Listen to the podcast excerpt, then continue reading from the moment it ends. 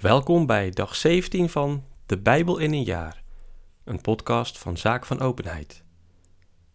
Vandaag lezen we Genesis 33, 34 en 35, Psalm 17 en Matthäus 12, vers 1 tot en met 23. Genesis 33. Nu sloeg Jacob zijn ogen op en keek rond, en zie, daar kwam Ezo aan met 400 man. Toen verdeelde hij zijn kinderen onder Lea, Rachel en zijn beide slavinnen. De slavinnen met haar kinderen plaatste hij voorop, Lea met haar kinderen daarachter en Rachel met Jozef achteraan. Zelf stelde hij zich aan hun spits, boog zich zevenmaal ter aarde neer, tot hij zijn broer genaderd was. Maar Esau snelde hem tegemoet en omhelsde hem. Hij viel hem om de hals en kuste hem wenend. Toen hij zijn ogen opsloeg en de vrouwen met de kinderen zag, vroeg hij: Wie hebt gij daar? Hij antwoordde: Het zijn de kinderen die het God heeft behaagd aan uw dienaar te schenken. Nu traden de slavinnen met haar kinderen naar voren en bogen zich voor hem neer. Ook Lea trad met haar kinderen vooruit en boog zich neer. Daarna kwamen ook Jozef en Rachel en bogen zich neer. Toen sprak hij: wat moet ge met heel dat leger dat ik heb ontmoet? Hij antwoordde, genade vinden in de ogen van mijn heer. Maar Esau hernam, ik bezit meer dan genoeg, mijn broeder, behoud wat gij hebt. Jacob hield aan, nee, als ik genade gevonden heb in uw ogen, neem dan het geschenk van mij aan. Want, daar gij vriendelijk voor mij waart, heb ik uw gelaat gezien, zoals mijn Gods aanschijn aanschouwt wil toch het blijk van mijn hulde aanvaarden dat ik u heb aangeboden, want God is mij genadig geweest, zodat ik overvloed heb. Toen hij zo bij hem aandrong, nam hij het aan. Daarop sprak hij: Laten we opbreken en verder trekken. Ik zal u dan begeleiden. Maar hij antwoordde: Mijn heer, gij ziet dat de kinderen nog zwak zijn. Bovendien moet ik voor de schapen en zogende runderen zorgen, als die één dag te veel gejaagd worden, gaat heel de kudde te gronden. Laat dus mijn heer zijn dienaar vooruit gaan.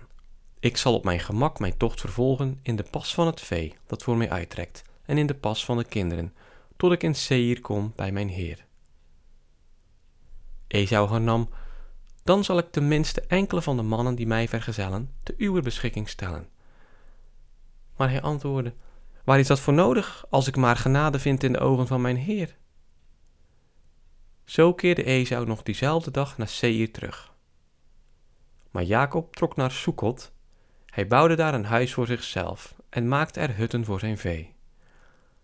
Daarom wordt die plaats Sukkot genoemd. Na zijn terugkeer uit Paddan Aram kwam Jacob behouden aan in de stad Sichem, die in het land Canaan ligt, en legerde zich ten oosten der stad. Voor honderd goudstukken kocht hij van de zonen van Hemor, de vader van Sichem, de strook grond waarop hij zijn tent had gespannen. Hij richtte daar een altaar op en riep de God van Israël aan. Genesis 34 Eens ging Dina, de dochter die Lea aan Jacob had gebaard, uit om de meisjes van het land te bezoeken. Sichem, de zoon van Hemor, den Giwiet en vorst van het land, zag haar, hij schaakte haar, ging met haar slapen en verkrachtte haar. Maar daar Sichem zijn hart aan Dina, de dochter van Jacob, had verloren, het meisje beminde en het vriendelijk bejegende, zei hij tot zijn vader Hemor, neem mij dat meisje tot vrouw. Nu had Jacob wel gehoord dat zijn dochter Dina onteerd was. Maar omdat zijn zonen met de kudde in het veld waren, hield Jacob zich stil tot hun terugkomst. Hemor, de vader van Sichem, ging dus naar Jacob om eens met hem te spreken. Intussen waren de zonen van Jacob van het land teruggekeerd. Toen de mannen vernamen wat er gebeurd was, werden ze verontwaardigd en ontstaken in hevige toorn. Door de dochter van Jacob te verkrachten, was er een schandaad aan Israël begaan. Zoiets was er nog nooit gebeurd. Hemor sprak tot hen: Mijn zoon Sichem hangt met heel zijn hart aan uw dochter. Geef haar dus aan hem tot vrouw. Laten we onder elkander huwen. geeft uw dochters aan ons en neemt gij de onzen. Ge kunt gerust bij ons blijven wonen, het land ligt voor u open. Blijft hier, trekt er rond of neemt er een vaste woonplaats. En Sichem zeide tot haar vader en haar broeders, Als ik genade vind u in uw ogen, zal ik u geven wat gij vraagt. Ge moogt de bruisprijs en het geschenk verhogen zoveel gij wilt. Ik geef wat gij mij vraagt, maar geeft me het meisje tot vrouw. Toen gaven de zonen van Jacob, wier zuster Dina onteerd was, aan Sichem en aan zijn vader Hemor een listig antwoord. Ze zeiden: Wij kunnen daar niet op ingaan. We mogen onze zuster niet aan een onbesnedene geven, want dat is een schande voor ons. Alleen op deze voorwaarden geven wij u onze toestemming. Ge moet alle mannen onder u laten besnijden, zoals wij zijn besneden. Dan zullen wij u onze dochters geven en wij de uwe nemen, bij u blijven wonen en één volk met u vormen. Maar wanneer ge hierop niet ingaat, nemen we onze dochters mee en gaan heen.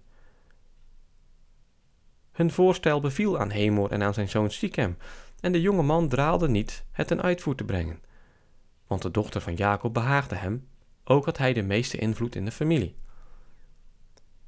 Hemor en zijn zoon Sichem gingen dus naar de stadspoort en spraken tot hun medeburgers: Deze mannen zijn ons vreedzaam gezind.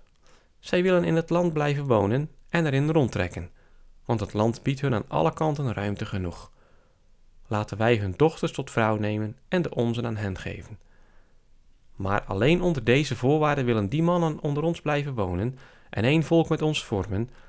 Wij moeten alle mannen onder ons laten besnijden, zoals zij zelf besneden zijn dan zal hun bezit, hun haven en al hun vee ons eigendom worden. We hoeven slechts op hun voorstel in te gaan, dan blijven ze bij ons. Alle medeburgers van Hemor en zijn zoon Sichem stemden erin toe, en alle mannen van de stad lieten zich besnijden.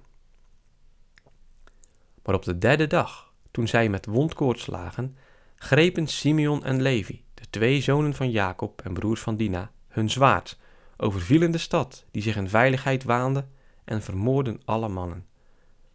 Ook Hemor en zijn zoon Sichem joegen zij over de kling, haalden Dina uit het huis van Sichem en trokken af. Nadat de zonen van Jacob zo de zieken hadden overvallen, plunderden ze de stad, omdat men hun zuster had onteerd. Hun schapen, hun runderen en ezels, met alles wat in de stad was of wat op het land stond, roofden ze weg. Al hun bezittingen, met alle kinderen en vrouwen voerden ze mee. En alles wat in de huizen was, maakten ze buit. Maar Jacob sprak tot Simeon en Levi: Gij stort mij in het ongeluk door mij in kwade reuk te brengen bij de bewoners van het land, de Kanaanieten en de Perizieten. Ik heb maar weinig volk. Als zij dus tegen mij samenspannen en mij overvallen, word ik met mijn gezin vernietigd. Zij gaven ten antwoord: Mocht hij dan onze zuster als een deerne behandelen? Genesis 35. Nu sprak God tot Jacob: Sta op, vertrek naar Bethel en vestig u daar. Richt daar een altaar op voor de God die u is verschenen, toen nog op de vlucht waart voor uw broer Esau. Daarom sprak Jacob tot zijn gezin en tot allen die hem vergezelden: Verwijdert de vreemde goden die gij bij u hebt, reinigt u en verwisselt van kleren. Dan trekken we naar Bethel op, waar ik een altaar zal bouwen voor de God die mij heeft verhoord op de dag van mijn ellende en die met mij was op de, op de weg die ik ging. Toen leverden zij aan Jacob alle vreemde goden uit die in hun bezit waren, met de ringen die ze in de oren droegen. En Jacob begroef ze onder de eik die bij Sichem stond. Daarna trokken zij op. En de schrik Gods kwam over alle steden in het rond, zodat men de zonen van Jacob niet durfde achtervolgen. Zo kwam Jacob met al het volk dat hem vergezelde te Loes, ook Bethel genoemd, dat in het land Canaan ligt. Hij bouwde daar een altaar en noemde die plaats Bethel, omdat God zich daar aan hem had geopenbaard, toen hij op de vlucht was voor zijn broer. Daar stierf Deborah, de voedster van Rebekka, zij werd begraven bij Bethel onder de eik die hij daarom klaageik noemde. Toen Jacob dus uit Pallen Aram was teruggekeerd, verscheen God hem opnieuw en zegende hem. En God sprak tot hem: Uw naam is Jacob. Voortaan zult gij geen Jacob meer heten, maar Israël zult gij worden genoemd. Zo gaf hij hem de naam Israël. En God sprak tot hem: Ik ben de Almachtige God. Wees vruchtbaar en vermenigvuldig u. Een volk, een reeks van volken komt uit u voort, en koningen zullen uw lendenen ontspruiten. Het land dat ik aan Abraham en Isaac schonk, zal ik geven aan u, en aan uw kroos na u geef ik dit land in bezit. Toen steeg God op en verdween uit zijn ogen. Jacob stichtte een stenen gedenkteken op de plaats waar hij met hem had gesproken, stortte er een plengoffer op en goot er olie over uit. En Jacob noemde de plaats waar God met hem had gesproken Bethel. Toen ze nu ook van Bethel waren opgetrokken en nog slechts op korte afstand van Efrata waren, beviel Rachel en had, had een zware verlossing. En terwijl ze in zware barensnood lag, sprak de vroedvrouw tot haar: Wees maar niet bang, want ook ditmaal hebt ge een zoon. Onder het sterven nog, want ze ging dood, noemde ze hem Ben-Oni, maar zijn vader noemde hem Benjamin. Zo stierf Rachel. Ze werd begraven op de weg naar Efrata of Bethlehem. Jacob plaatste een gedenkteken op haar graf. Dit grafmonument van Rachel staat daar tot op de huidige dag. Israël trok nu verder en spande zijn tent voorbij Migdal Eder. Terwijl Israël in deze streek vertoefde, hield Ruben gemeenschap met Bilha, de bijvrouw van zijn vader. Toen Israël het vernam, was hij er hoogst verontwaardigd over. De zonen van Jacob waren twaalf in getal. De zonen van Lea waren Ruben, Jacobs eerstgeborene, Simeon, Levi, Juda, Issachar en Zabulon. De zonen van Rachel, Jozef en Benjamin. De zonen van Bilha, de slavin van Rachel, Dan en Neftali. De zonen van Zilpa, de slavin van Lea, Gad en Aser. Dit waren de zonen van Jacob, die hem geboren waren in Paddan Aram. Zo bereikte Jacob zijn vader Isaac te Mamre bij Kiriat Arba of Hebron, waar Abraham en Isaac zich hadden gevestigd. En toen Isaac 180 jaar oud was, gaf hij de geest en stierf. Oud en afgeleefd werd hij bij zijn volk verzameld. Zijn zonen Esau en Jacob begroeven hem. Psalm 17 Gebed van David Jaweh, hoor naar de stem van het recht, luister naar mijn smeken. Verhoor mijn gebed, van eerlijke lippen gevloeid. Van uw aanschijn gaat mijn oordeel uit, uw ogen zien scherp. Gij peilt mijn hart, doorzoekt het des nachts, beproeft mij, maar iets verkeerds vindt gij niet. Ik overtrad uw gebod niet, zoals de mensen dat doen, maar volbracht het bevel uw lippen. Op het pad uw wetten heb ik mijn schreden gezet, mijn voet heeft nooit op uw wegen gewankeld. Nu roep ik tot u, want gij zult mij verhoren, o God. Luister naar mij en hoor naar mijn smeken.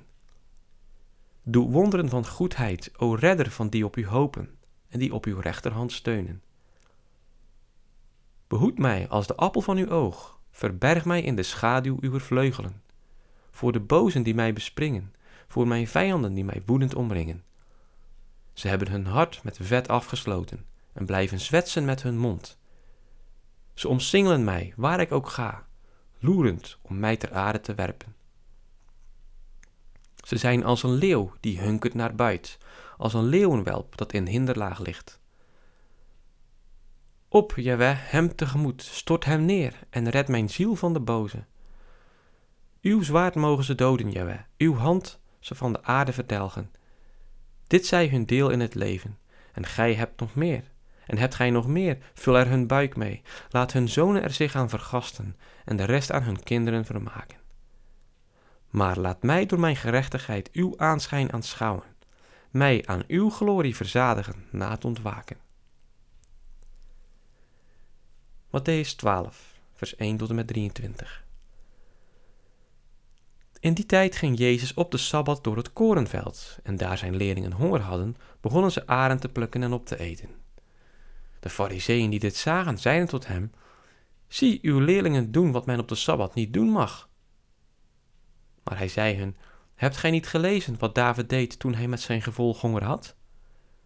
Hoe hij het huis van God binnenging en de toonbroden opat die hij, nog zij die met hem waren, mochten eten, maar de priesters alleen? Of hebt gij niet gelezen in de wet dat op de Sabbat de priesters in de tempel de Sabbatrust verbreken en toch niet schuldig zijn? En ik zeg u, hier is er één die groter is dan de tempel. Zo gij wist wat het zeggen wil, barmhartigheid wil ik en geen offerande, dan zoudt gij geen onschuldigen hebben veroordeeld, want de mensenzoon is heer van de Sabbat. Toen ging hij heen en kwam in hun synagoge, en zie, er was een man wiens hand was verdord. Om hem nu te kunnen beschuldigen, stelden ze hem de vraag: Is het geoorloofd op de Sabbat te genezen? Hij zei hun: Wie is er onder u die één enkel schaap heeft en het niet vastgrijpt als het op de Sabbat in een kuil valt en het eruit trekt? Welnu, hoeveel meer is een mens waard dan een schaap? Het is dus geoorloofd op de Sabbat goed te doen. Toen sprak hij tot die man: Strek uw hand uit. Hij strekte ze uit en ze was weer zo gezond als de andere.